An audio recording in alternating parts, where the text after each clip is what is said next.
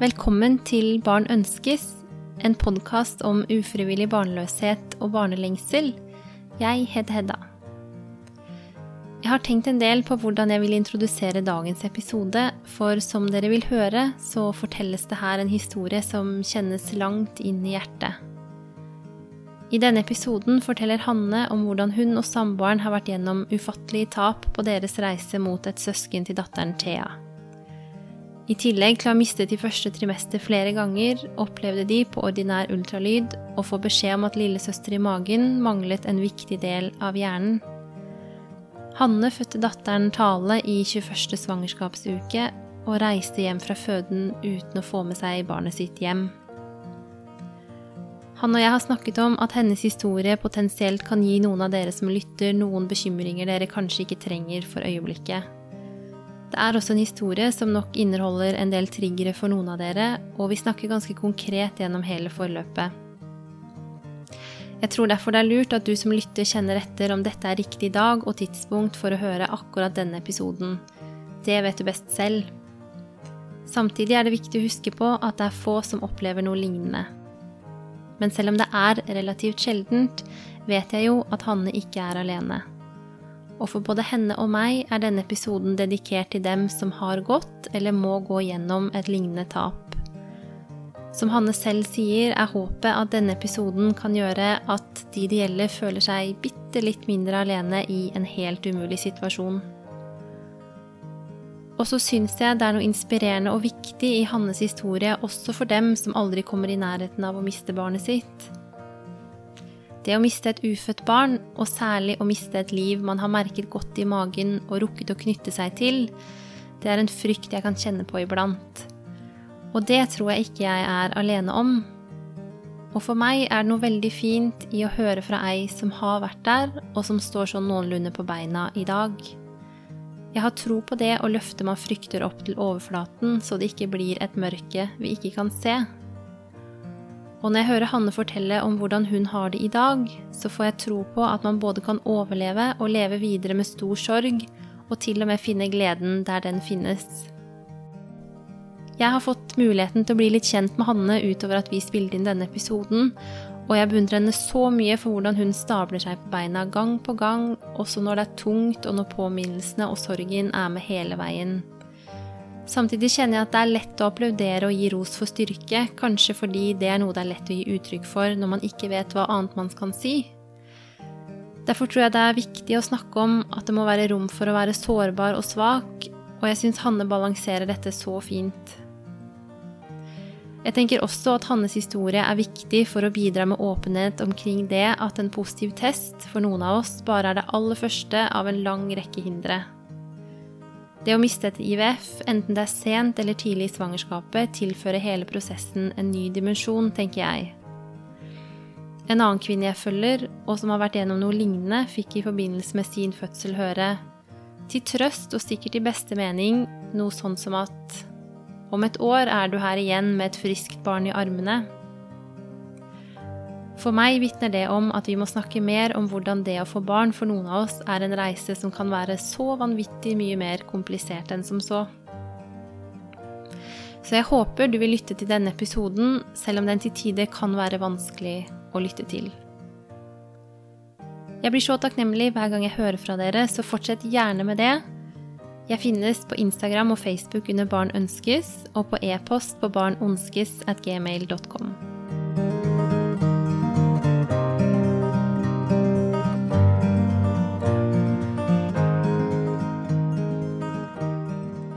Velkommen! Hei, takk.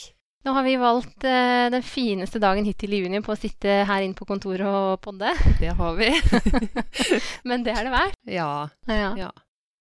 Du, I dag så skal du dele en historie som jeg tenker at eh, kan være litt vanskelig å både høre på og fortelle.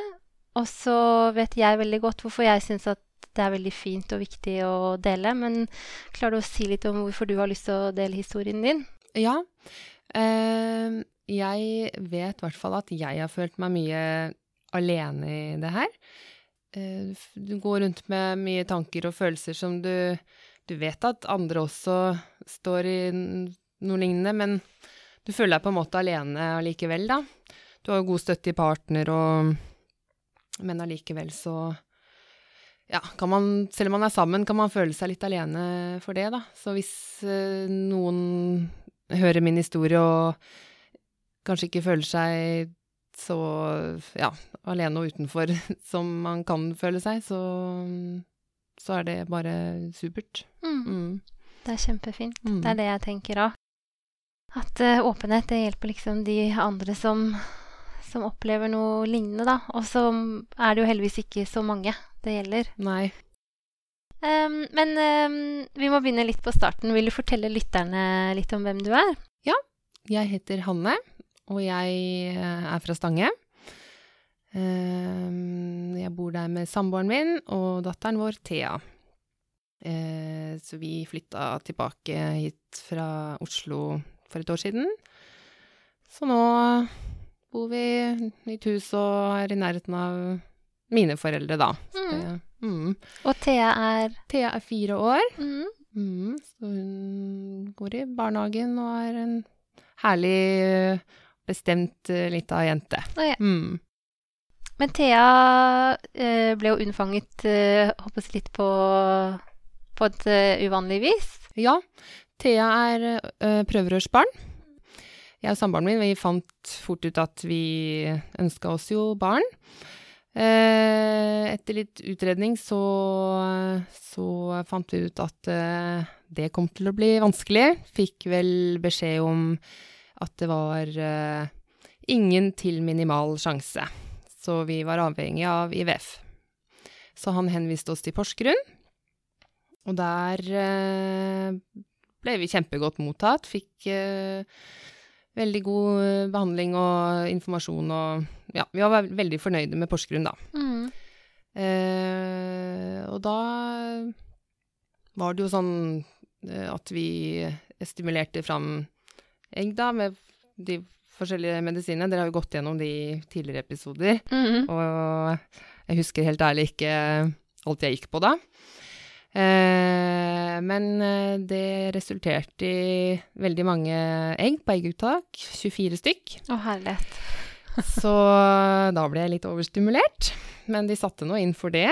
Så av de 24 så var det 17 befrukta, Mm. og ett ble satt inn, og 16 på frys. Wow. Ja, så vi, var, vi følte oss jo veldig heldige. Da ble jeg jo gravid på første forsøk, første IVF-forsøk. Eh, og jeg var veldig sånn nervøs for at eh, Jeg var jo veldig nervøs for at det skulle gå galt.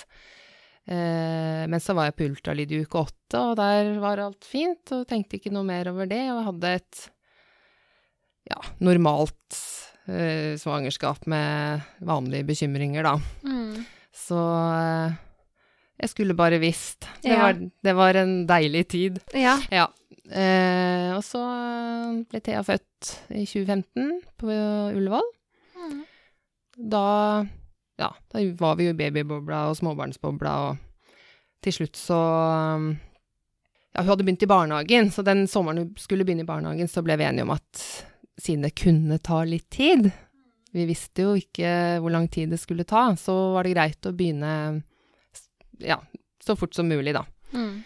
Hvilket årstall har vi kommet til nå? Da, det var, eh, eh, det var september 2017.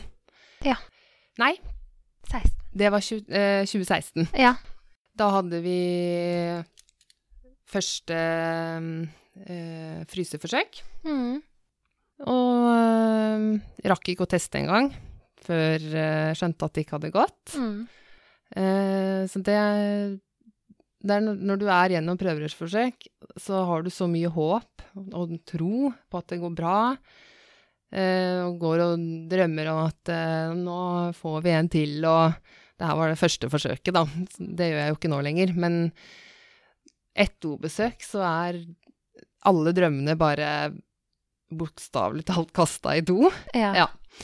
Så da, ja, det var litt sånn der eh, litt på skuldrene og Mm. Ja, nei, ja, ok, da, da fikk, måtte, vi måtte jo få et negativt forsøk, Ja. på en måte. ja. Det kan ikke gå bare på skinner. Jeg kan kjenne meg igjen i det. Vi også var litt sånn Det hadde jo vært litt for enkelt om det ble på Ja. første forsøket nå, liksom. Ja. må liksom gjennom litt Mm. når man er prøverørsdame. så oktober 2016, da satte vi inn enda et. Eh, og hver gang eh, vi har vært der, da, så har det vært sånn Men dere har jo 14 igjen på frys. Dere er heldige. Dere har jo 10 igjen på frys. Dere er jo heldige, for det faller jo noen fra hver gang. Så det var sånn Ja ja, jo takk, det er flott det. Bare, men jeg håper jo at, eh, at vi får det til før vi har brukt opp alle på frys. Mm. Så da, ja, gikk og venta på å teste. Eh, rakk ikke det den gangen heller. Eh, skjønte fort at det no, Det gikk ikke. Nei. Eh, og da, da tenkte jeg sånn hm, eh, hva, Hvorfor eh, Det gikk jo så lett forrige gang, hva skjer? Så da snakka jeg med klinikken, og så sa jeg at eh, nå vil jeg prøve noe nytt. Så da kjørte vi en styrt syk syklus Mm. med Proginova, som Mhm. mange av oss er veldig glad i, Ja. eller ikke. Eller ikke? Nei, det var det ikke.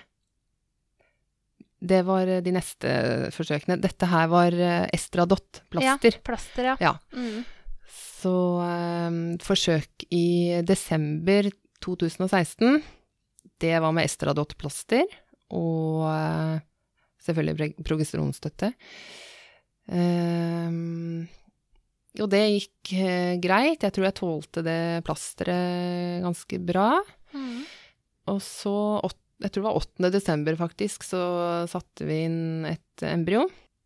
Og eh, litt, ja, ti dager etterpå så testa jeg positivt. Mm. Så da var jeg gravid. Mm. Eh, og var det et par uker uten noe dramatikk, helt til eh, jeg begynte å blø i jula. Men det var jo ikke mye. Og det er ganske normalt å blø når man er gravid eh, og bruker progesteronstøtte. Da kan man fort få litt sånn blødninger. Mm. Og da, da var jeg jo ikke sånn gæren at jeg drev og løp ned kon legekontoret for å ta HCG-blodprøver hele tiden. Så da tok jeg en digitaltest til som viste to til tre. Så jeg bare ok, da har det steget. Mm. Og snakka med klinikken, og de var ja, nei, det høres veldig ut som det er progesteronstøtten som gjør det. Så jeg klamra meg til et håp veldig lenge, i et par uker. Og så en dag så Ja, det var litt ut i januar. Da skjønte jeg. Da Ja, uten å gå inn på det, så da forsto jeg at det, det gikk ikke nå heller. Nei. Eh, da, da Ja, jeg var jo ikke, jeg var ikke knust, men jeg var jo lei meg. Det var eh, Det var veldig kjipt. Du, du hadde det der, liksom. Du var eh, Du følte du hadde kommet i mål og tenkte at ja, det var en liten tørn, det der. Mhm. To negative forsøk og ja. Ja, det skal jo Vi skal jo håper jeg, høre resten av historien, men jeg, bare- jeg syns jo bare at det i seg selv at prøverørspar, eller de som trenger prøverør, skal måtte miste, syns jo jeg er helt sånn urimelig. Det er litt påfallende. Eller Ja. sånn, ja. Det er liksom Så har, har man ikke egentlig nok med å måtte gjennom de der behandlingene. Det burde holdt. Det burde holdt. Ja. Ja. Men nå, nå, ble det, nå ble det noe sånn, da. Og noen har flere utfordringer enn andre. Mm. Eh, og det er jo ingen sin feil, det er bare veldig frustrerende og leit. Så ja, da tok vi jo en måneds pause, selvfølgelig. Det måtte jeg jo, måtte få tilbake menstruasjon. Eh, og så eh, Da ville klinikken ha naturlig syklus igjen. Og da eh, Jeg tror ikke jeg rakk å teste da heller. Nei, jeg tror bare at eh, Men jeg hadde følte hadde en dårlig følelse akkurat det forsøket, for det var eh, Det var for det første ikke en blastocyst, som jeg hadde hørt var liksom det beste, da. Mm. Og um, det var noen sånne fragmenteringer på det, tror jeg, og ehm, Men ehm, satte nå inn det og gikk og venta. Uh, og så, ja, gikk det ikke. Og da Så da Det var det forsøket. Mm. Og så Det var mars. Da tror jeg vi hoppa over april pga. påsken. Eh, og starta nytt forsøk i mai. Igjen i naturlig syklus. Eh, som jeg fremdeles ikke følte at eh, var greia mi, da. Tre negative naturlige syklus. Så eh, hadde jeg ikke så veldig tro på det, men jeg er litt sånn jobber i helsevesenet selv, så jeg jeg, prøvde, jeg stolte jo på det, jeg ville liksom ikke være en sånn skeptiker. Mm. Så da eh, satte vi inn i, i mai 2017, eh, som også var negativt. Rakk ikke å teste. Nei. Så eh, jeg har ikke fått noen negative graviditetstester eh, hittil i historien, da, til Mm. tross for fire forsøk. Mm. Fire forsøk på eh, ja, åtte-ni måneder. Mm. Ja. Og allerede der så begynner du kanskje å egentlig ta på litt. Ja, da begynte jeg å kjenne på det. Eh, da begynte jeg å bli bekymra og lure veldig på eh, Da kjenner du på en sånn redsel for at Tenk hvis det aldri går? Tenk hvis vi ikke får til den lillesøsteren eller lillebroren som vi så gjerne vil ha for datteren vår? Mm. For det er jo for Det er jo for henne vi gjør det.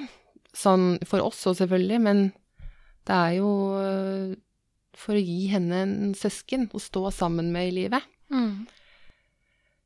Så da, øh, da var jeg ordentlig litt sånn nedfor. Tok en pause, IVF-pause, gjennom sommeren. Og det ble da avtalt eh, nytt forsøk til høsten. Mm. Fremdeles Porsgrunn, da. Så da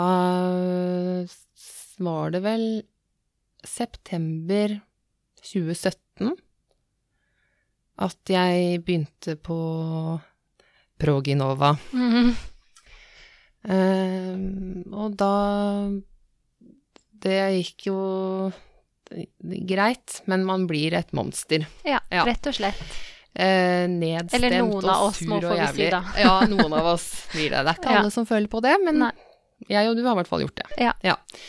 Men vi kom oss gjennom det òg. Vi uh, satte inn en blastocyst, og jeg fikk positiv test. Og da var vi veldig glad og letta, og jeg eh, var jo selvfølgelig bekymra, men tenkte at den spontanaborten i januar, den var liksom eh, Der måtte det vært noe, på en måte. Mm. Og nå hadde jeg hatt kvota mi, hadde hatt tre negative forsøk og en spontanabort, så nå Lynet slår ikke ned to ganger, Nei, nå liksom. smilte lykken. Mm. Mm. Og ja, jeg var gravid, blødde ikke. Kom til ultralyd. Da skulle jeg være syv pluss fire. Og eh, hun mal- målte Syv pluss fem skulle jeg være. Eh, da drev hun og målte og styrte, og jeg var bare glad for å se at hjertet slo og uh, alt var bra. Og så sier hun ja, dette er flott. Uh, den er litt mindre enn hva vi helst uh, skulle ønske oss. Og da Altså, det er en stein som bare ja, faller ned i magen, eller hva, hvordan det uttrykket er. Men da var det en ny bekymring. Da var det da var det, det med størrelsen. Mm. Det var noe. Mm. Fordi når du setter inn uh, embryo i eh, forbindelse med IVF, så vet du vet jo hvor gammelt embryoet er til Ja. enhver tid. Ja. Uh, en dag eller to, det kan man på en måte Det kan være greit. Men fem dager Så tidlig. Ja. Og hun var veldig sånn Ja, men det behøver ikke å bety noe, må ikke du bli bekymra? Og jeg satt der gråtkvalt, spurte hva sjansene var for at dette gikk bra, og hva hadde hun sett det før, ikke sant? Leter etter svar med en gang. Eh, det har de jo selvfølgelig ikke, det vet man jo aldri. Men da eh, avtalte vi ny ultralyd uka etter. Kommer inn en uke etterpå, eh, og da har den jo vokst. Den har vel, den var vokst riktig, vokst en uke. Mm. Eh, fremdeles for liten, da. Og eh, da ble jeg litt mer optimis optimistisk. Den har jo vokst eh, bra i forhold til sin egen kurve, så det var jo eh, bra. Og så eh, da skulle vi ta en ny ultralyd i uke ti. Mm. Eh, og så Og det, dette var Nei, egentlig i uke ni, og da ringte jeg opp igjen og sa at du, jeg er blitt ganske beroliga, vi kan ta det om to uker. Mm. Eh, så det var greit. Venta to uker, begynte å liksom slappe av og Kanskje jeg bare har små embryo, husker jeg sa til samboeren min. eh, så kom vi der, og så Da var det en annen enn som tok ultralyd, da. Og lette og lette og drev og målte og målte. Sa ingenting. Og så sier jeg bare Du eh, ser ikke hjerteslag. Han ba nei, jeg gjør ikke det, altså. Mm. Og da ble det griding, da. Mm. Ja, det var eh, grusomt. Ja, det kan jeg Ja. se for meg. Ja. Så ti uker, da har du gått en stund nå, da. Ja. Um, så det var um, Det var veldig trist. Mm. Så da var vi lei oss, både jeg og samboeren. Så da var det Da var det det å få tabletter og få det ut, da. Avslutte. Det var jo ikke noe liv der. Dette var i november 2018, og eh, to, mm, desember 2018 så måtte jeg inn til revisio, altså kirurgisk abort. Mm. For det Kroppen mm, Ja, ble ikke kvitt alt, da. Nei. Eh, så det da Ja, da ble det et nytt år. 2018. Jeg måtte jo vente på å komme inn i syklus igjen, og det var alt det vanlige. Mm. Eh, og var sånn «Ah, Skal vi ta et nytt ferskforsøk isteden, eller skal vi prøve en gang til med, med um, fryseforsøk? Det var jo veldig dumt, da, at vi, vi, vi valgte fryseforsøk, for det var kortest ventetid. Ja. Du vil ha det i boks nå. ja. Vil liksom bare videre. Ja, så da gjorde vi det. Ny runde med Progenova. Og satte inn embryo i Jeg tror det var i slutten av februar 2018 eller eh, begynnelsen av mars. Eh, denne gangen så begynte jeg å blø litt, og eh, det var jo veldig Ja, det var veldig nedslående. Og, Tenkte at det igjen, ikke ja.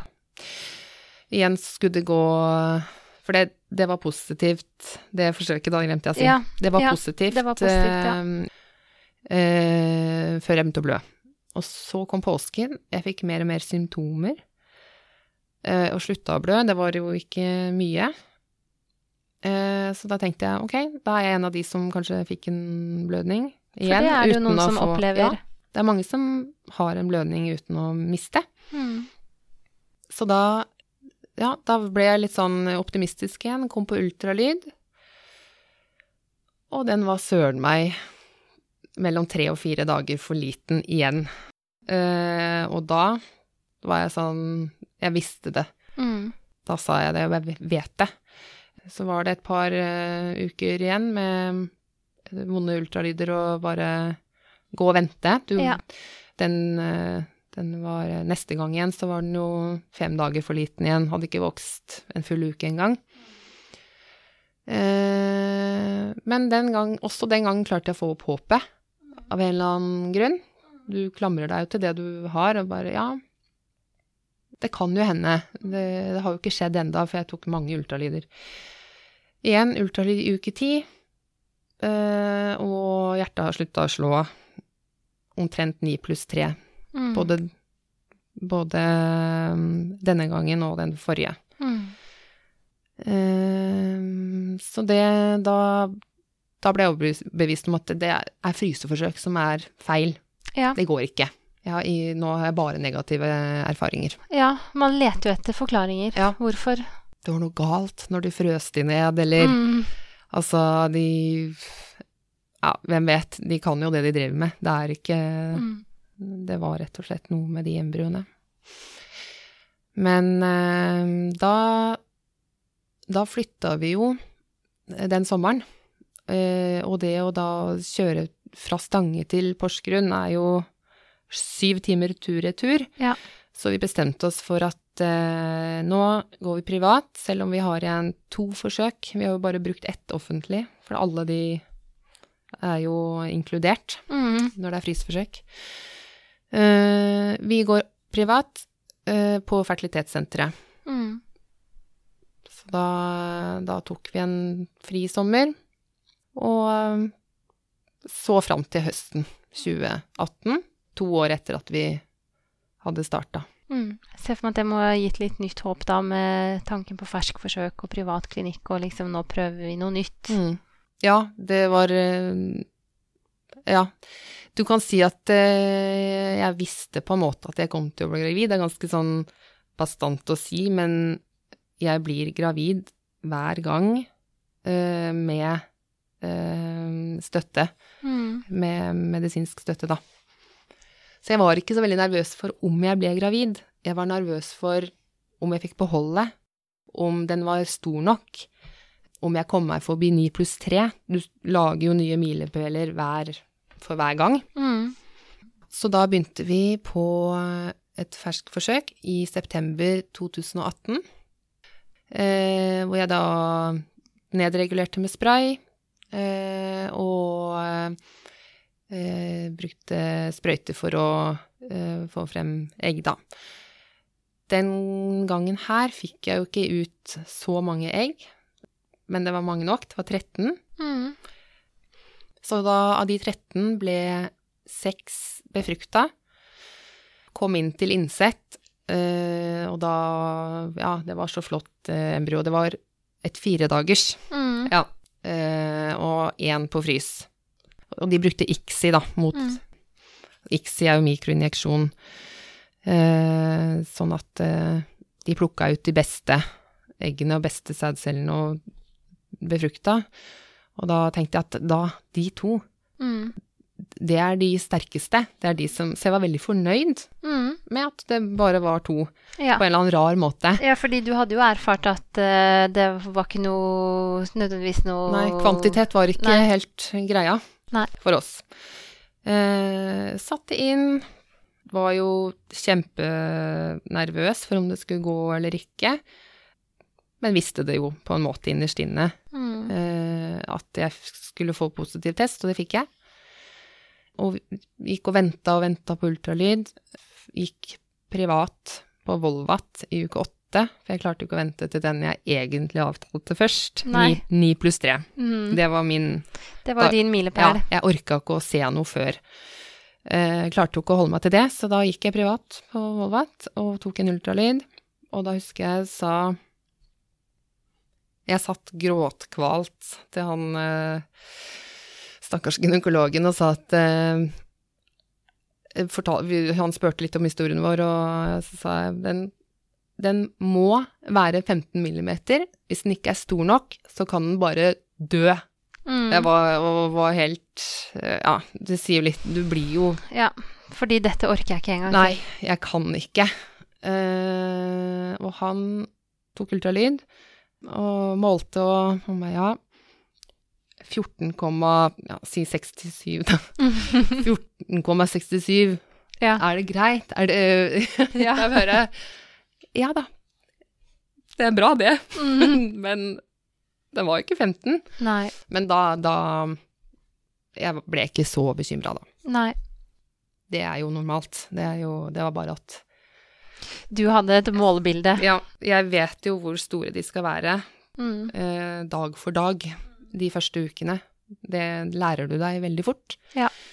Eh, men jeg, jeg godtok det. Men jeg skulle ha mange ultralyder. Jeg tok én i uka fram til uke 12. Mm. 13, mener jeg. Eh, den siste den, Jeg tok to til på Volvat. Så den eh, siste som jeg tok der, det var uke 12. Han gikk gjennom hele eh, babyen, og alt så helt supert ut.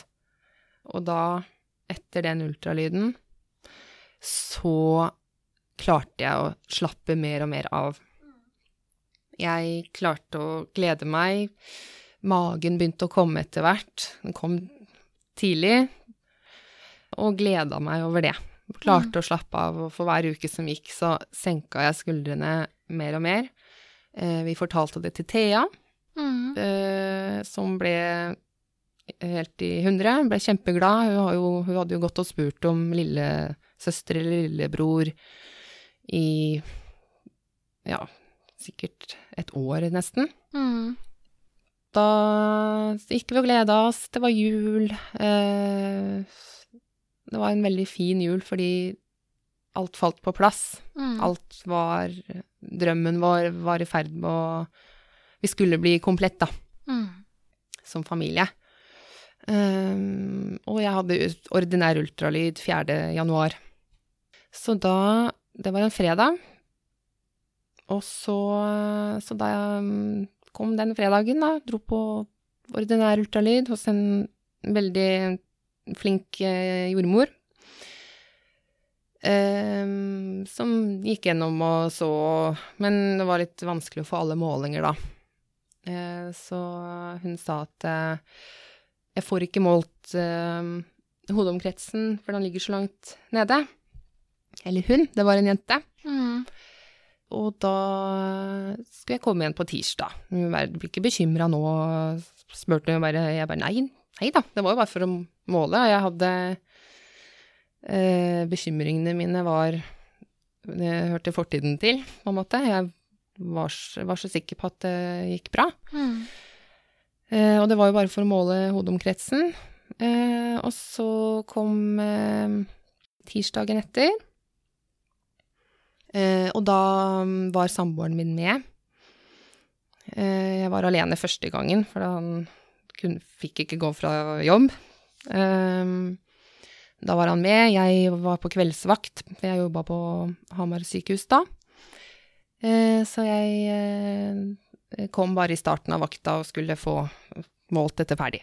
Og da driver hun og ser, og ja, fremdeles jente, vi syns det er veldig morsomt, og det er jo bare jenter i vår familie, så det var jo ingen overraskelse. Eh, og så bare, ja, ja, du ser jo hjertet er jo helt eh, perfekt, sier hun, men eh, oppi hodet her, eh, så er det noe jeg ikke finner. Det en, var, var en skillevegg i hjernen da Mm.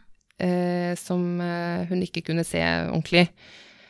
Eh, jeg har ikke satt meg inn i hva det var. Jeg vil ikke. Jeg vil ikke google, jeg vil ikke lese. Nei. Så det var en skillevegg i hjernen. Jeg husker aldri hva den heter. Nei. Så jeg vil gjerne ha en second opinion på det. Så jeg bare du, du vet, du får sånn klump i magen Mm. og adrenalin i kroppen fordi Nå det er noe noe. galt. Ja. Så jeg bare Ja, hvor da? Eh, nei, ja, Rikshospitalet. Og da falt, da falt verden i hvert fall i grus, fordi du må på fostermedisin på Riksen Mm. for å um, få en second opinion på noe i hodet. Eh, det var helt Ja, det var nedslående. Det var Ja, jeg visste Jeg var helt eh, i sjokk. Fikk samboeren min til å hente veska mi på avdelingen jeg jobba på. Og kom oss ut. Riksen skulle ringe oss og gi oss time. De ringte en halvtime etterpå. Og ga Mm. oss time dagen etter. Mm. Så da eh, dro vi inn til Rikshospitalet onsdag 8. januar 2019 på fostermedisin. Og da Og vi Jeg var helt sånn Kvelden før så vi bare Vi gir henne et navn Mm. nå. Ta den tiden du trenger. Vi ga henne et navn, og det ble Tale. Mm. som var et av topp tre-navnene våre, som vi hadde gått og fundert på. Uansett hva denne ultralyden viser nå, så skal hun ha et navn. Hun er et menneske. For oss. Mm. Så da satt vi på venterommet på, på fostermedisin på Riksen. Eh, og rett før vi ble ropt opp, så bare Jeg kunne ikke mer. Jeg bare brøt sammen. Mm. Og da, akkurat da ropte han oss opp. Heldigvis. Og han bare Skjedde det noe rett før dere kom nå? Jeg bare nei. Jeg bare så lei meg. Det, det sank inn, eller Ja, det var jeg, jeg så en liten gutt som løp med noe sånn IV-stativ, intravenøs-stativ med sonde og Mm. eh, Og på veien inn nå så hadde vi bare åh, la det være noe vi kan håndtere eller fikse, liksom. Mm. Men da, ja, snakka litt, og han sa at dette trenger ikke å være noen ting. Det er jo eh, ofte at vi må ta en ekstra kikk, og så er alt bra. Eh, og ja, snakka litt, og så ja, legg deg ned og dra opp skjorta. Jeg tror han holdt den proben på magen i ti sekunder, og så sier han bare dette er alvorlig. Dette er mye mer alvorlig enn det henvisningen sier. Mm. Og jeg husker, jeg husker ikke så mye fra den når jeg lå på den benken, Nei. men jeg Jeg, jeg hylte. Jeg hyperventilerte og skrek og var Det var skikkelig Jeg har ikke vært sånn før, og forhåpentligvis ikke siden. Jeg var helt desperat. Ja. For hvordan skal man håndtere det? Hva, hvilke ressurser inni seg er det man skal hente ut akkurat der Ja, og da? nei, det er jo hadde ikke noe reserve. Jeg hadde Altså, du Du henter fram det du må, når du må, men der og da så Ja. Eh, og jeg spurte vel noen spørsmål sånn banalt som Kan hun gå på skole, eller sånn. Men det var ganske eh, klar dom, egentlig. Eh, veldig dårlige prognoser. Uforenlig med liv, da. mm. Men hun sparka jo og var så fornøyd, og jeg hadde begynt å kjenne det utenpå. Mm. Eh, så det var eh, Ja, da måtte vi Han måtte få en second opinion igjen. Det her er jo to fostermedisinere på Riksen som er høyt spesialisert. Eh, så det nytta liksom ikke å be om enda en og stille spørsmål ved det. Det var det det var. Mm. Og så um, vi oss ned. Samboeren min var jo selvfølgelig Det blir mye snakk om meg nå, men jeg har en veldig flott samboer Mm. som er en enorm støtte. Som ja hadde i hvert fall ikke klart det uten han, eller hvis han hadde vært en annen, en annen type person. Så han gråt selvfølgelig, men jeg vet at han tok seg sammen, da. Mm. Eh, For meg En av oss måtte være litt fatta. Mm. Eh, og så måtte vi jo velge. Vi måtte, som, selv om det ikke er noe håp for den lille babyen, så måtte jo vi velge det. Ja. Ja, det, ja, det er sånn at dere må ta et aktivt valg. Ja. Det holder ikke bare at du sier 'jeg samtykker til deres anbefaling', på en måte? Nei, ja, det var jo på en måte det Eller vi det er- gjorde, da. Ja. Eller det, de kan ikke si at vi anbefaler dere å avslutte, fordi hun kunne jo overlevd svangerskapet. Kanskje fødsel. ja. men ikke så mye lenge etter. Nei. Hva er det for noe å gå og vente på, da? Nei. Eh, så det var egentlig ikke et valg heller. Nei, det er jo ikke det. Eh, og, og, og la Thea gjennomgå et helt svangerskap sammen med oss og glede seg, men hvordan skal du si at ja, men lillesøster kommer til å dø når hun kommer ut, hvis ikke før? Kanskje hun lever to uker? Altså, det var Det går ikke. Det var, eh, det var, det var ikke håp da. Og så eh, ordna han med abortnemnd eh, dagen etter. Og det er eh, Senabort er et forferdelig ord når du føler at du har født en baby.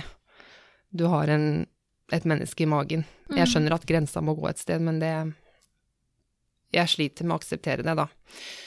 Eh, så da eh, hjem. reiste hjem til Stange, tilbake dagen etter. Fikk komme til abortnemnda, og de, det var to spesialister. Eller tre. og det går i surr, jeg husker Ja. Eh, som begynte med å spørre hva, hvordan har dere det? Mm. Hvordan er dette for dere? Eh, så vi fortalte jo gråtkvalt litt hvordan vi hadde det. Og så sier de bare selvfølgelig skal vi skrive under for dere. Mm. Dette er noe av det mest eh, alvorlige man kan finne. Så vi skriver under, og så lykke, lykke til, liksom. De var Mm. veldig medfølende. Og abortnemnd, det er sikkert eh, plagsomt for noen, men når du står i den situasjonen, at du må få det godkjent, og de bruker tre minutter på å skrive under fordi det er så alvorlig, så får du en sånn enorm backup og støtte, da, i Mm. det. En trygghet i valget. Dere trenger aldri å lure på om det var Nei, feil valg. nei, og det var veldig godt. Mm. Både etisk og med- medisinsk eh, støtte, da, på at dette er riktig. Mm. Så da var det å snakke litt med Snakke om en jordmor før vi dro hjem. Uh, fikk uh, en uh, pille som da ja, skulle stoppe hjertet, rett og slett. Mm. Å ta den pillen, eh, det er òg helt umenneskelig. Mm. Du dreper jo barnet ditt. Mm. Så når den var tatt, så eh, dro vi rett og slett hjem igjen. Vi valgte å dra hjem hver dag. Vi hadde, vi hadde jo Thea, Mm. eh, og gudene skal vite hvor den styrken man eh, har foran barna, kommer fra. Mm. Eh, det gikk på et vis. Men eh, min mor og far henta henne i barnehagen hver dag, og det var, vi mor og mamma og pappa måtte jobbe. Mm. Og så um, dro vi hjem. Uh, gikk og venta på dagen etter, hvor vi skulle bli lagt inn på Rikshospitalet for uh, fødsel, da. Så da kom uh, dagen. Fredag 11. januar 2019. Da kjørte vi inn igjen. Tredje turen på tredje dag. Tre dager. Uh, og jeg tror ikke vi sa så mye. Jeg satt Jeg satt uh, veldig sånn uh, Jeg satt veldig apatisk i, he, på hele bilturen. Tankespinnet gikk jo, og jeg var Jeg tror ikke jeg pusta skikkelig. Innen vi kom fram til Rikshospitalet, så var jeg så anspent og ja, i, i sorg, da, at jeg hadde ikke helt kontroll på hendene mine. Jeg hadde mm, veldig vondt i armene og ut i hendene. Mm. Eh, så jeg fikk veldig fort en eh, beroligende tablett, eller noen smertestillende med morfin i. Eh, og så eh, fikk vi hilse på jordmoren vi skulle ha, som også het Thea. Mm. Og hun sa med en gang at eh, dere kan si fra når som helst hvis dere trenger noe, eller uansett hva det er. Jeg er bare på jobb for å være med dere i dag. Mm. Så da hadde de da eh, ressurser til, eller leide inn ekstra for å bare være hos oss, da. Så det var jo Det var vi veldig takknemlige for. Og hun tok seg tid til å prate med oss, og ikke om det som skjedde, egentlig, men om løst og fast. Mm. Så jeg blir, jeg blir litt rørt av å tenke på hun, faktisk. Og så ble jo Da ble jo saker og ting satt i gang, og etter ikke så veldig lenge så hadde jeg så eh, vondt at eh, Ja, jeg tror jeg fikk Du får jo alt du vil av smertestillende, for det er jo, det er jo ikke noe håp i andre enden da, så du Ja, jeg vet ikke hva jeg Nei. ikke fikk, egentlig. Nei. Nei. Det handler bare om å gjøre det mest Ja. mulig overkommelig for deg. Ja. Men det var absolutt smertefullt på alle mulige måter. Mm. Så da klokka to 11. januar 2019 så kom bitte lille Tale ut.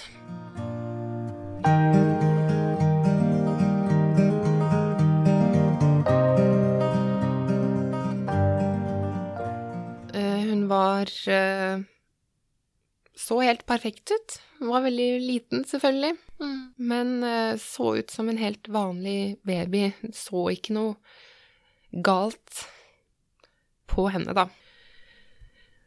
Så fikk vi jo være litt sammen med henne, og hun tok jo Vi hadde bestemt oss for å se, for det første, og at vi bare skulle ta bilder. Mm. Det kan du alltid slette hvis det blir for tungt.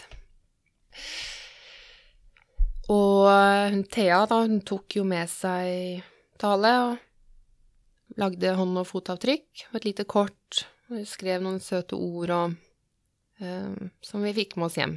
Mm. Og jeg var jo i den rusen.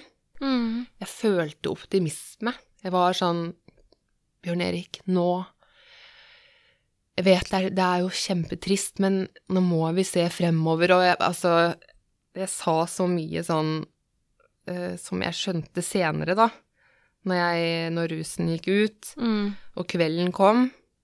Da fikk jeg et slag i trynet. Da Da nådde jeg bunnen. Så da overnatta vi på Riksen eh, til lørdag. Eh, og fikk være så lenge vi ville på lørdag. Eh, vi så henne en gang til og eh, ja, dro hjem. Tomhendte. Og måtte hjem da og fortelle dette til Thea. Mm.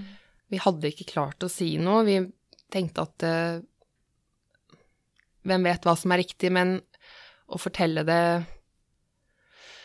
dagen før, sånn at hun skulle gå og vite at eh, Eller hvordan forklarer du at eh, Det skal Ja. skje. Ja. Nei.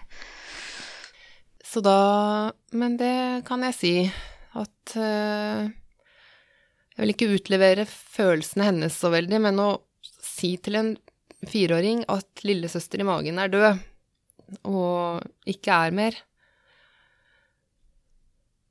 Det er noe av det mest hjerteskjærende man kan gå gjennom. Mm. Um,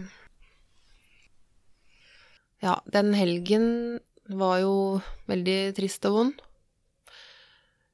Uh, men du, som sagt, du klarer å ta deg sammen for eh, de barna du har, det barnet du har fra før. Eh, sånn at eh, da mandagen kom Jeg var jo sykemeldt, så klart. Så når mandagen kom, så eh, dro jo Thea i barnehagen, og eh, Bjørn Erik var vel han var sykemeldt et par uker, han òg. Mm. Så bare det å fikk kunne være lei seg og eh, ikke prøve å holde maska Mm. Jeg vet at barn tåler at foreldre viser følelser, men hvis jeg slipper opp, da, da går det ikke Jeg klarer ikke å stoppe, da. Nei. Det er, for, det er jo forskjell på at barn kan si at mor og far blir frustrert, og liksom Ja. den sorgen er jo voldsom, Ja. tenker jeg. Ja. Det er akkurat det. Sånn at vi Hun så jo at vi var triste, og vi prata jo litt om det og sånn, men ja. Vi, vi holdt det verste inne, rett og slett, for hennes del, da.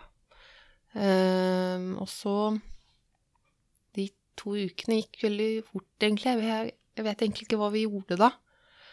Du blir jo egentlig skrevet ut til intet. Du Ja. Det er Du får en oppfølgingstime på Rikshospitalet med ja, hvordan man har det i etterkant, da, etter et par måneder. Men det er lenge. Det er lenge. Du må liksom ta saken i egne hender, da. Hva gjør man da? Kontakte fastlege, eller Ja, jeg kontakter fastlegen og noe som heter Stangehjelpa, som har sånn psykologhjelp. mm. Gikk og snakka litt med henne, en eh, psykolog der. Som Det var jo greit å få rydda litt i tanker og eh, Jeg hadde veldig vanskelig for å slippe gråten løs, da. Jeg tror jeg bare Jeg stengte meg veldig inne. Jeg snakka ikke så mye med andre. Ikke med nest, Jo, altså med samboeren min snakka jeg, men vi De første par ukene så så vi rett og slett utrolig mye på TV. Mm. Fordi det er vanskelig å øh, tenke over hva som har skjedd, og ta det innover seg, prate om det. Ja, så det, det å bare sette på en serie og se tre episoder på rad, det, ja, det gjorde vi. Mm. Eh, heldigvis ikke eh, Heldigvis fortsatte vi jo ikke med det, da. Nei. Men før vi dro fra Riksen, så fikk vi i hvert fall eh, tre valg hva vi skulle gjøre med Tale. Det ene var å brenne til intet, som var helt uaktuelt. Hun var jenta vår. Mm. Jeg fødte henne. Eh, og eller en eh, enten umerka eller merka minnelund eh, på Ullevål, Mm. på, eh, der nede, med, med, med gravlunden der. Mm. Eller så kunne vi begrave henne selv, da. Mm. Eh, og da valgte vi rett og slett det siste. Eh, hun var Det var så ønska, og så Vi hadde gleda oss så fælt. Thea hadde gleda seg. Det var vanskelig å bare Ja, nå skal vi ta en tur inn til Oslo for å se på minnelunden. Det, det hadde ikke skjedd, da. Det hadde vært så langt unna. og Mm. det kan hende det var en minnelund i Hamar som vi kunne brukt, selvfølgelig, det er det nok, men den kirka nærmest oss, hvor, hvor det er lett for oss å bare gå bort og se, det, der måtte vi ha en vanlig grav. Så det, der har vi satt opp en engel som eh, vi kan gå til. Mm. Og det føles egentlig veldig godt og riktig. Mm. Det var viktig og riktig for oss. Ja, det kan jeg tenke meg. Liksom ha henne nær, på en måte. Mm. Det er veldig fint. Så da Ja, så gikk jo nå til den psykologen litt, da. Jeg var jo sykemeldt. Eh, arbeidsgiveren min var veldig medfølende og empatisk, og de hadde veldig forståelse for eh, vår situasjon, da. Mm. Så jeg var vel fullt sykemeldt et par måneder.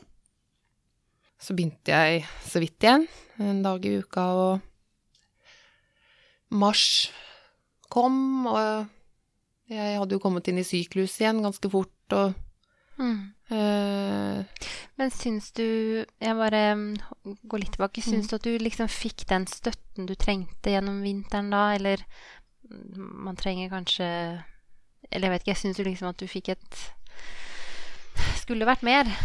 Ja, det kan du si, fordi jeg gikk.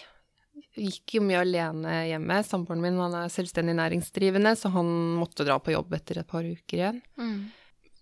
Jeg hadde jo som sagt kontakta den psykologen, men hun er jo ikke spesialist på det vi har vært gjennom, eller det å miste noen, da, eller det, det var en eh, Jeg er veldig glad for at jeg gikk til henne. Det hjalp jo litt, men det var jo i min egen regi, da. Mm. Eh, så det, det ble lange dager, og du går Jeg gikk litt sånn apatisk rundt i huset, egentlig. Jeg hadde jo planer om at nå skal jeg gå turer. Jeg skal trene så jeg får liksom komme meg ovenpå igjen og bli glad igjen. Få da. endorfiner. Ja, ikke sant? Ja. Endorfiner og Men det starta med å hoppe i dusjen eh, og få dusja og gjort én ting i huset. Hadde jeg som mål, da. Mm. Og så var det vondt å gå rundt der. Fordi jeg hadde jo vært gravid store deler av tiden vi hadde bodd i det huset. Jeg hadde speila magen min hver dag i speilet på badet. Og nå sto jeg der, og det var ekstremt tungt å se en mage som bare ikke var noe. Det var, liksom, det var uh, slapp og nesten flat igjen, og melkespreng. Du har ikke noen å støtte deg på eh, når du gjennomgår den første tiden etter noe sånt, da. Nei. Og så kan jeg se for meg at uansett hvor fantastisk familie eller venner man har, så så vet de ikke hva de skal gjøre. Nei, de, de vet ikke det, og jeg isolerte meg veldig, Mm. så jeg Jeg bare orka ikke. Du er jo i den alderen hvor veldig mange blir gravide òg, ikke sant, og det Det er jo kjempeflott. Eh, og jeg skulle jo selvfølgelig ønske at det var meg, ikke sant, hver gang noen kommer og sier at de er gravide. Men uh, ja, du går med de tankene alene. Og ingen, ingen venner skjønner det der. Nei. Ingen. Du har samboeren din, eh, som er det nærmeste. Han var jo selvfølgelig knust. Du har på en måte båret den babyen inni deg, da. Kjent alle Ja. spark og Spark og hormoner og alt det som Ja, ja. følger med, da. mm. Eh, sånn at, nei, ja. Hva, En ting som jeg hadde lyst til å spørre deg om, er um, Hvis man er venn, da, eller familie, hva, hva kan man si? Hva, hva, hva var best for deg at noen sa til deg? Eller hvordan, hvordan var det liksom best for deg å bli møtt? Det er vanskelig å si, fordi for meg så måtte jeg bare få isolere meg en stund. Mm. Eh, Jeg driver enda og kryper ut av skallet mitt, men det å bare vise at du er der Altså, vi fikk jo veldig mye støtte. Vi fikk blomster på blomster altså, Det kom blomster på døra i, i et par uker i etterkant. Eh, med fine ord og eh, Og det er jeg glad for Mm. kort med fine ord, støttende ord, selv om det står bare vet, 'vi vet ikke hva vi skal si eller gjøre', bare si ifra hvis det er noe, enn at noen ringte. Ja. Det ville jeg ikke. Nei, heller liksom liksom få formidla omtanken til dere uten at dere Ja. trengte å respondere på det. Ja. Jeg satte veldig pris på meldinger Mm, og disse blomstene og kortene. mm, Fordi å snakke i telefonen, det jeg unn... Altså, det tok et par uker Det er mulig tidsperspektivet mitt er feil, da, men det tok dager i hvert fall før jeg klarte å ta telefonen fra søstrene mine. mm. Og de er, det er de aller nærmeste, eh, både som søstre og venninner. I tillegg til et par andre venninner, da. Altså. Men eh, sånn at jeg har vanskelig for å åpne meg og snakke om ting når jeg står i det. Eh, I hvert fall så alvorlige ting, har jeg merka. Mm. Mens andre kanskje vil ha den telefonen, men bare at man viser noe. Ja. Ja, sånn som vi fikk. Det er jeg veldig glad for. Mm. Eh, og så at man ikke gir helt opp, da. At du fortsetter å sjekke inn eh, til du til slutt sier ja til å bli med på noe, da. Mm. Så eh, Og så har du jo barn, så du må jo ut og gjøre ting. Mm. Sånn at det har hjulpet meg å komme meg ut på i hvert fall ting som handler om hva barna kan oppleve, da. Vi har jo masse venner med, venner med barn på samme, rundt samme alder som vi eh, finner på ting med, og det Så ja, gå ut etter hvert. Mm. Mm. Men så Ja, etter hvert så ble det vår. Ja, det ble, begynte å bli vår. Det var i hvert fall midten av eh, mars. Da Da opplevde jeg noe jeg aldri trodde jeg skulle oppleve. Og det var at jeg fikk det for meg at jeg skulle ta en graviditetstest. Fordi du klarer jo ikke å på en måte ikke prøve noen gang. Eller du på en måte bruker jo ikke noe prevensjon, selvfølgelig. Så da fikk jeg en positiv test. Og det skulle jeg ønske at jeg var flue på veggen og så, for det var helt merkelig. Jeg bare gikk hvileløst rundt, og hvem skal jeg ringe først? Jeg ringte klinikken. Jeg bare jeg må ha blodfortynnende, for det har jeg brukt alle svangerskap. Eh, blodfortynnende. Eh, jeg må ha progesteronstøtte, jeg må ha, jeg må ha, jeg må ha, jeg må ha ultralyd. Og det, altså, de lina opp alt jeg skulle ville ha. Eh, og så ringte jeg eh, Jeg ringte nok Bjørn Erik, Bjørn Erik, først, da. Og han ble jo helt i hundre, altså. Det er bare det å kunne føle seg så normal at du får noe så utrolig som en spontan graviditet, og se en test uten å forvente det. Ja. Uten, vite, uten at du har visst i fire uker at den ja, datoen skal ja, teste? Ja, jeg bare ja, det òg. Jeg vant flere uker. Jeg hadde, jeg hadde korta ned bekymrings- og ventetiden med flere uker, for du går jo og venter på oppstart, og så er det Ikke sant? Og da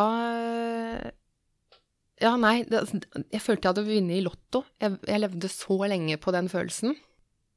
Og så gikk det et par uker, og så da Eller sikkert før det, og kom alle bekymringene, selvfølgelig gikk på ultralyd, og gjett hva?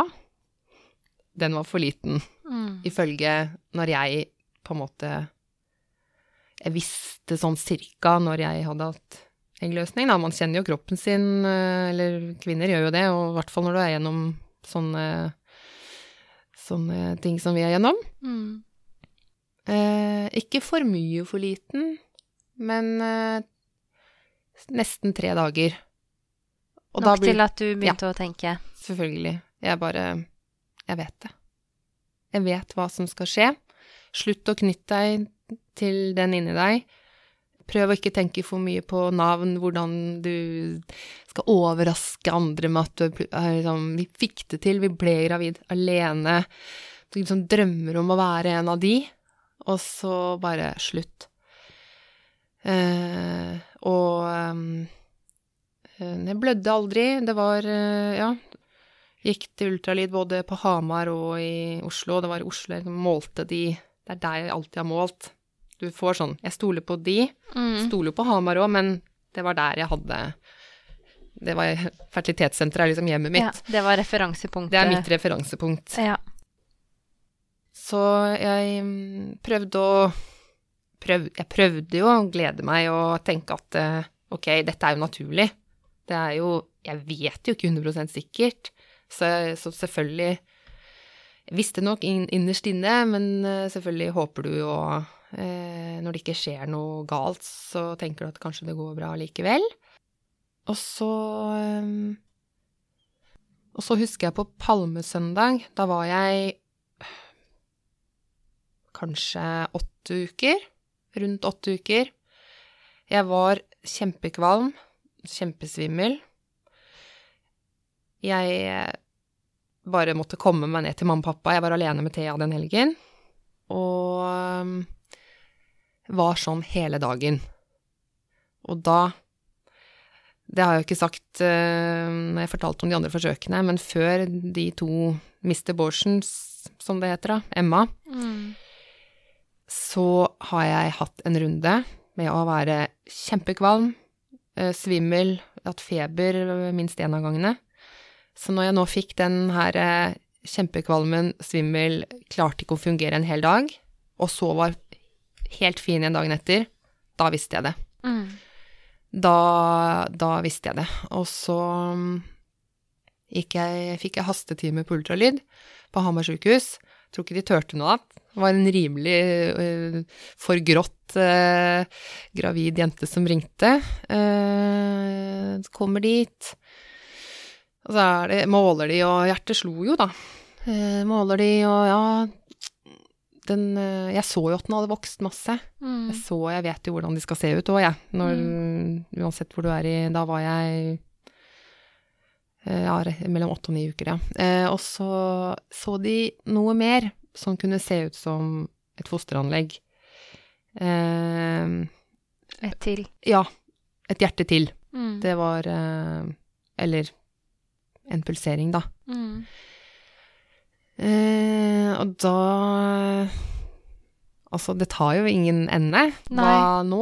Er det, er det tvillinger, eller hva er det for noe? Er det For alt jeg vet, så kan det ha vært navlestrengen som lå foran der og Men jeg så jo den grå flekken Mm. som, Som ser ut som et Mm. lite foster, da. Men eh, Så da Men den var jo halvparten så stor. Mm. Og da tenkte jeg å, kanskje det er den som Det er jo litt spesielt da når du blir sånn ja, kanskje det er den ene tvillingen som dør. Mm. At det er derfor jeg var sjuk. Ja, at jeg får beholde den. At jeg får beholde, ikke sant. Du, du Ja. er bare så desperat. Ja.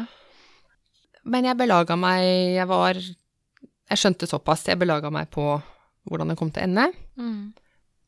Ja, jeg bare sa det til alle som visste det. Mm. Nå Det er over. Jeg må bare gå, gå på ultralyd og få det bekrefta. Mm. Eh, Venta noen dager, kom på ultralyd. Ingen hjerte. Som, ikke noe hjerte som slo. Så da eh, var det inn på Elverum sykehus. Eh, ny revisio. Eller ny medisinsk først. Eh, og deretter revisio. Ja. Fordi det var jo rester. Ja. Så klart. Ja. Så det, da, men det var en god opplevelse, det òg. Da Det høres kaldt ut, men jeg tror ikke jeg gråt én gang. Fordi en Emma nå, det er peanuts. Mm. Det er ingenting i forhold til eh, den følelsen av å miste babyen din, da. Mm.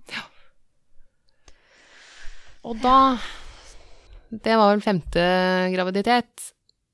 Og da blir du litt sånn Greit, jeg tar hintet. Det er noe som har skjedd som gjør at vi ikke skal få det til. Mm. Rett og slett. Mm. Mm.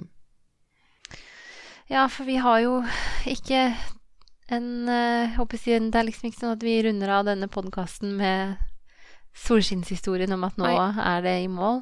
Det er ikke sikkert vi får den på en måte lykkelige slutten som vi hadde sett for oss. Eh, at vi skulle ha to barn, og Thea fikk en lillesøster eller lillebror. Det kan hende vi ender med, og nå lager jeg store anførselstegn, bare ett barn. Mm. Eh, og det er ikke bare bare. Hun er verdens herligste jente.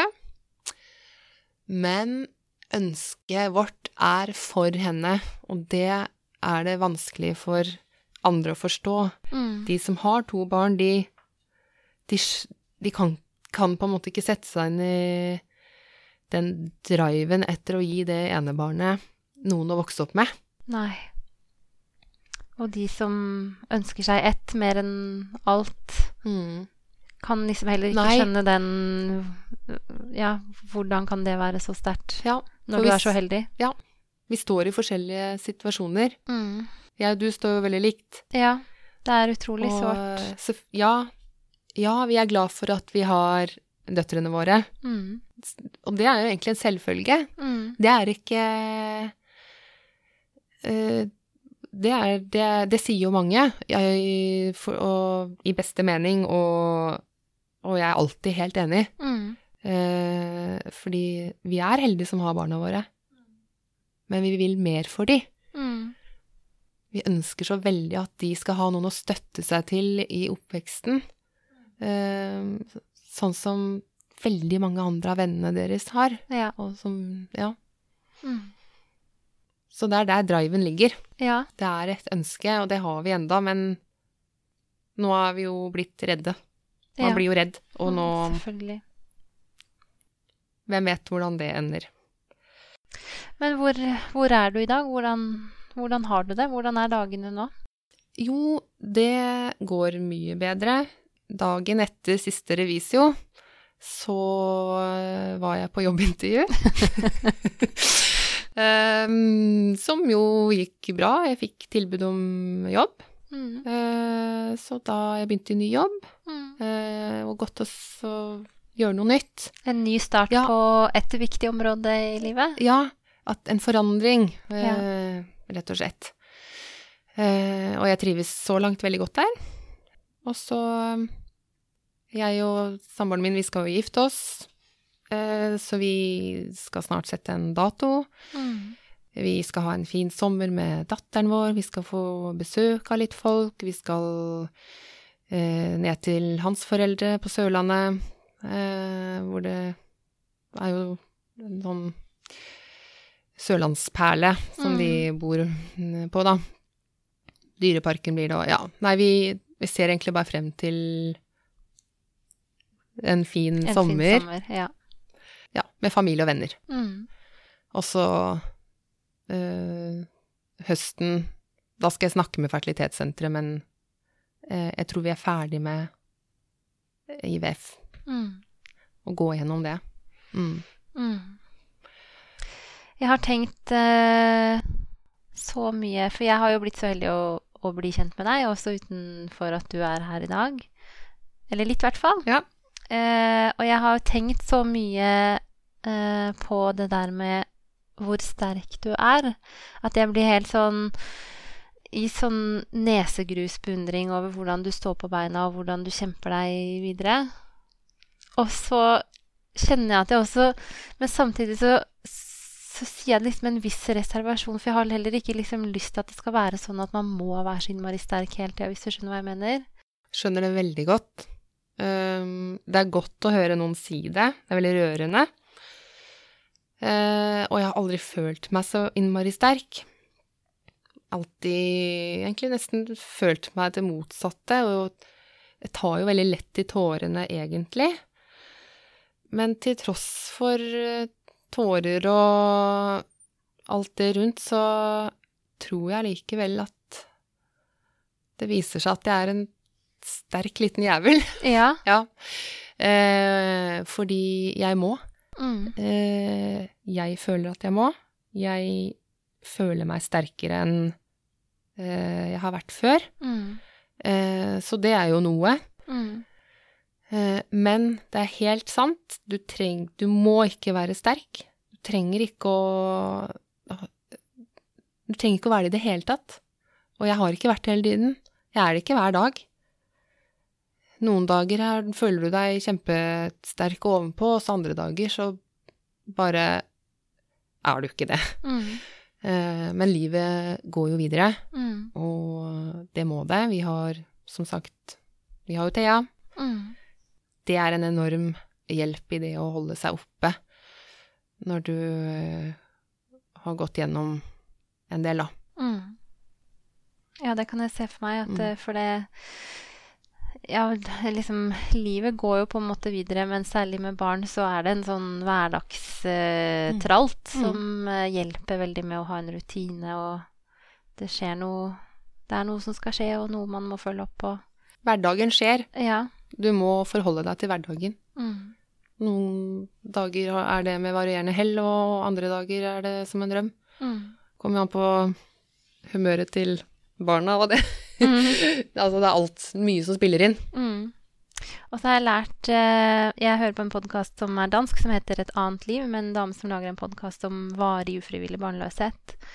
Og der har jeg lært et sånt bilde på sorg som jeg syns er så fint, eh, hvor en gjest hun hadde beskrevet liksom Ikke sorg som sånne faser, sånn som man liksom har snakket om det med sånn fornektelse og Mm. alt det der, men at at sorgen er liksom en, noe som går parallelt med, med livet ditt. Og så eh, i starten så er du mye i sorgsporet, og så etter hvert så er du mer og mer i livssporet, men at det sorgsporet er der, man besøker det liksom Mm. Det kan dukke opp igjen når man ser noe, eller om man kommer på et eller annet, eller Og at det, det er liksom ikke sånn at man blir ferdig med sorgen, at ok, nå er vi ferdig med det, nå har vi reist oss opp og børsta og gått videre, men den er liksom med, men, Mm. men ikke så altoverskyggende, på en måte. Mm. Godt beskrevet. Ja, Mm. jeg syns det er et fint bilde. Um, hva er det som har holdt deg Utenom Thea og sånn, er det andre ting som liksom har hjulpet deg med å holde deg på beina gjennom disse ja, egentlig årene, da, men spesielt siste halvåret? Um, jeg um, hadde en veldig støttende og fin arbeidsplass. Mm. Jeg kunne plutselig sitte og gråte der. Det var greit. Eh, alle forsto. Eh, så Så det har jo ingenting med de å gjøre at jeg ville skifte jobb. Men det, de var veldig fine å være sammen med når jeg først var på jobb. Jeg har eh, veldig mange gode venninner Mm. og venner. Altså, vi er en kjempegjeng. Eh, som det er fint å se eh, innimellom, da. Mm. Uh, nå har jeg som sagt isolert meg litt. Jeg kommer fram av og til, altså. Men når jeg er med de, så er det veldig koselig.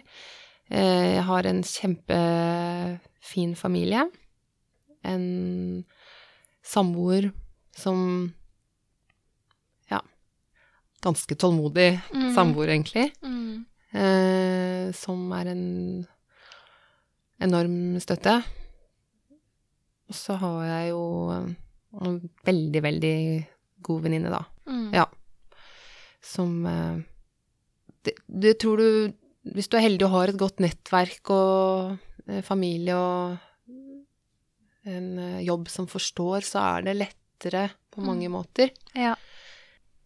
Kanskje det å ha folk rundt seg som klarer å romme Selv om de ikke de forstår, så rommer de der du er Ja, akkurat nå, liksom.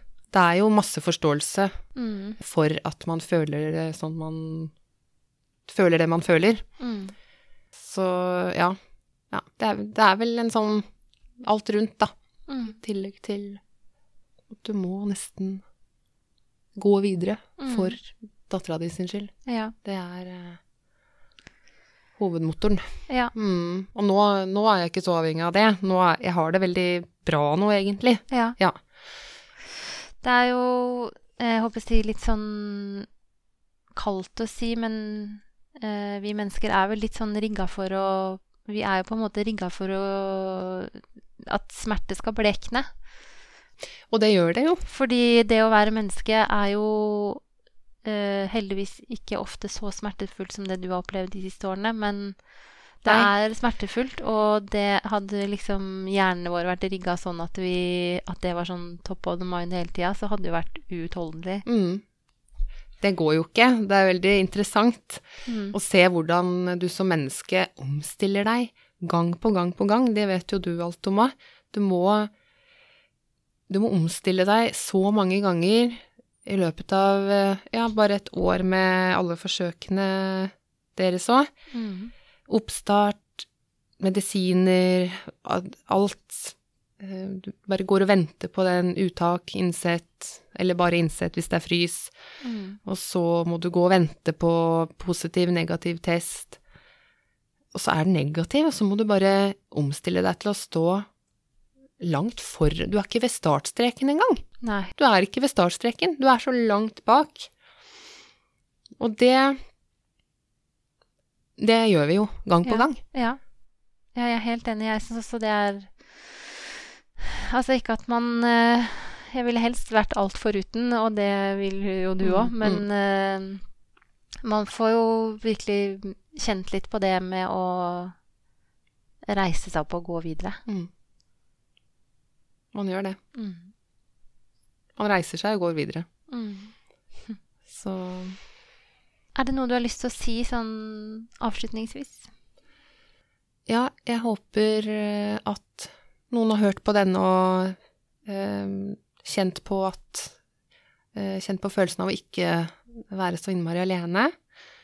Om det er en eller flere ting de kan kjenne seg igjen i som eh, Som føles trøstende eller støttende eller eh, Ja, det er eh, Det håper jeg noen kan ha glede av, eh, eller ja, nytte, Nytte av Der, da. Jeg, ja. ja. nytte av å høre på eh, Ja. min historie. Selv om det som skjedde med oss og Tale, er ekstremt sjeldent. Mm. Av ti tusen Mm. skjer det med. Mm. Ja, jeg eh, En av de tingene som jeg syns er eh, inspirerende da, ved din historie, er at selv om du liksom ikke har fått den der lykkelige slutten ennå, og selv om eh, eh, det har vært jævlig, så, så syns jeg det er så inspirerende bare å se ja, hvordan du kjemper deg videre. Det er helt fantastisk. Og så vet du at eh, man ikke trenger å være sterk hver dag. Ja, takk for veldig fine ord. Mm. Jeg eh, ble veldig glad og rørt for å høre det. Ja. Så eh, det tar jeg virkelig med meg videre. Mm. Tusen takk for at jeg fikk komme hit. Tusen takk for at du ville dele.